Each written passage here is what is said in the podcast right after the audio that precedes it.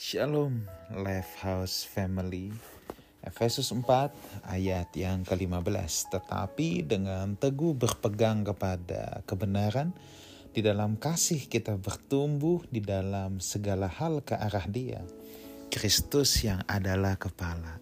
Life House Family tanpa terasa sudah empat tahun. Tuhan mengizinkan kita untuk melayani di komunitas ini, sebuah komunitas di mana Tuhan sendiri yang mendirikannya. Tuhan yang menjadi raja di tengah-tengah kita semua. Kalau saya flashback ya, kita memulai tepat di awal pandemi Covid. Di mana pada saat itu kita baru mulai tiga kali ibadah, kita harus lockdown. Jujur saudara, pada saat itu kita bingung ya kita mengerjakan seadanya aja apa yang bisa kita kerjakan sebaik-baiknya. Kita memulai pelayanan online dan lain sebagainya.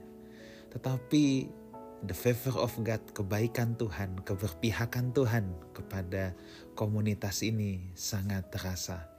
Tuhan menyertai kita dan di tengah-tengah pandemi yang begitu sukar, rupanya justru kita bisa menjadi berkat untuk tubuh Kristus, untuk banyak orang. Saudara, tanpa terasa empat tahun sudah berjalan. Melewati masa-masa sulit, masa-masa sukar ya.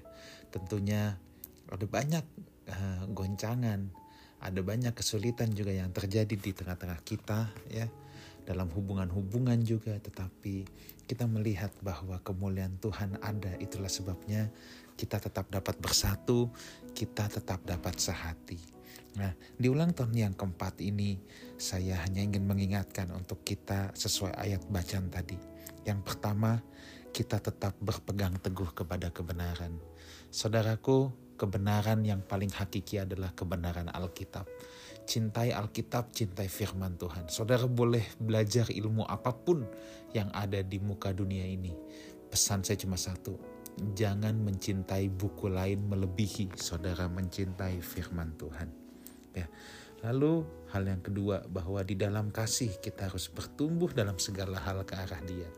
Tahun ini tema besar Life Force Community adalah growing together, bertumbuh bersama. Apanya yang bertumbuh? Segala hal, semua aspek saudara ya. Hubungan-hubungan kita bertumbuh, kerohanian kita bertumbuh, karakter kita bertumbuh, kualitas pekerjaan kita bertumbuh, cara kita berkomunitas bertumbuh dalam segala hal ke arah dia. Kita tidak berat sebelah, kita nggak tumbuh hanya dalam satu hal, tetapi hal yang lain. Kita menjadi tumpul, tetapi doa saya dalam segala hal, dalam segala hal kita bertumbuh ke arah dia. Lalu kemudian hal yang ketiga, Kristus adalah kepala. Ya benar, Kristus raja di tengah-tengah kita. Kristus adalah kepala gereja ini, ya. Kalau saya dipercaya oleh Tuhan sebagai gembala jemaat, saya hanya bertugas untuk memperlengkapi, memberi makan domba-domba Tuhan. Tetapi domba agung, kepalanya itu bukan saya. Kepalanya adalah Kristus. Kalau saya uh, diberikan jabatan oleh Tuhan sebagai gembala jemaat, saya hanya pesuruh Tuhan yang Tuhan suruh-suruh untuk kasih makan domba Tuhan. Bukan domba saya, tapi domba Tuhan. Itulah sebabnya saudaraku yuk mari di ulang tahun yang keempat ini kita semua bertumbuh bersama. Di ulang tahun yang keempat ini kita ucapkan syukur kita kepada Tuhan. Dan saya percaya tahun-tahun ke depan nanti Tuhan tetap akan melakukan banyak perkara hebat di tengah-tengah kita. Tuhan Yesus memberkati kita semua. Amin.